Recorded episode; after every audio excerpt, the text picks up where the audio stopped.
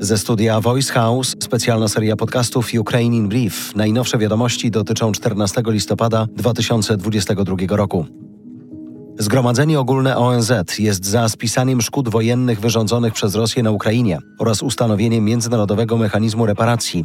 Rezolucja została zgłoszona przez Ukrainę, nie jest wiążąca. Została poparta m.in. przez Polskę. Poza nami zagłosowały za 94 państwa, 14 było przeciw, a 73 wstrzymały się od głosu. Agresor zapłaci za swoje czyny, mówi prezydent Ukrainy, nazywając rezolucję ONZ dyplomatyczną wygraną. Zełęński zaznaczył, że jego państwo jest gotowe do pokoju, ale dopiero po odzyskaniu wszystkich terytoriów, które są okupowane przez rosyjskich agresorów. Koniec cytatu.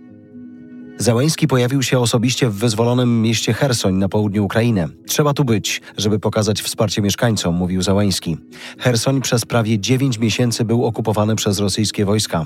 Pozostawiamy to bez komentarza. Wiecie, że to terytorium Rosji. Tak na wizytę Załęskiego w Hersoniu reaguje rzecznik Kremla.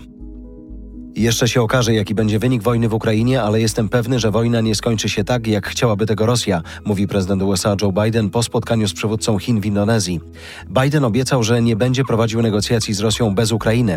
Zadeklarował, że Ameryka będzie dalej wspierać Ukrainę i nie będzie angażować się w żadne negocjacje pomiędzy stronami konfliktu. Ukraina powinna sama zdecydować, czy i kiedy negocjować pokój z Rosją, deklaruje szef NATO. W Hadze Stoltenberg spotkał się z szefem holenderskiego resortu spraw zagranicznych oraz ministrem obrony. Według szefa NATO zaczyna się bardzo trudna faza wojny. Celem Putina jest to, żeby Ukraina stała się ciemna i zimna i dlatego rosyjskie wojska niszczą kluczową infrastrukturę. Ukraińscy wojskowi nie zaakceptują żadnych kompromisów. Rosja ma opuścić całe zajęte terytorium, zapowiada naczelny dowódca Sił Zbrojnych Ukrainy w rozmowie z najwyższym rangą dowódcą wojskowym USA. Zapewniłem go, że będziemy walczyć, póki starczy nam sił. Nasz cel to wyzwolenie całej ukraińskiej ziemi spod rosyjskiej okupacji, mówi Załużny. To było Ukraine in Brief od Voice House. Kierownictwo produkcji Dorota Żurkowska. Redakcja Agnieszka Szypielewicz. Dystrybucja Olga Michałowska. Dźwięk Kamil Sołdacki. Redaktor naczelny Voice House Jarosław Kuźniar.